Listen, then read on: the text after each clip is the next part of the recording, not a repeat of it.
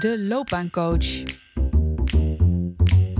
In een veranderende arbeidsmarkt wordt het vermogen om zelf sturing te geven aan je loopbaan een steeds belangrijkere vaardigheid. Loopbanen beginnen al vroeg. Welke school kies je? Welke vakken volg je? Welke stages doe je? Welke vervolgstudie en stappen maak je? En daarna het werkende leven. Kiezen in een wereld van overvloed is een opgave. Want naast de ongekende voordelen en mogelijkheden van deze keuzevrijheid groeit ook de verantwoordelijkheid voor ons eigen geluk en welzijn. Immers, niet blij met wat je doet? Had je anders moeten kiezen.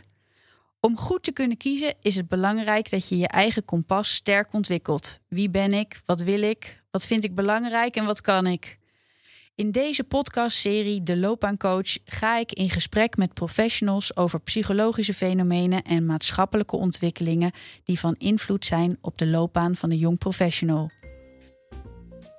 Mijn naam is Japke Ebbingen, als sociaal psycholoog, docent en loopbaancoach verbonden aan de leergang Psychologie van de Studiekiezer aan de Hogeschool van Amsterdam. We zijn te beluisteren via iTunes, SoundCloud en Spotify.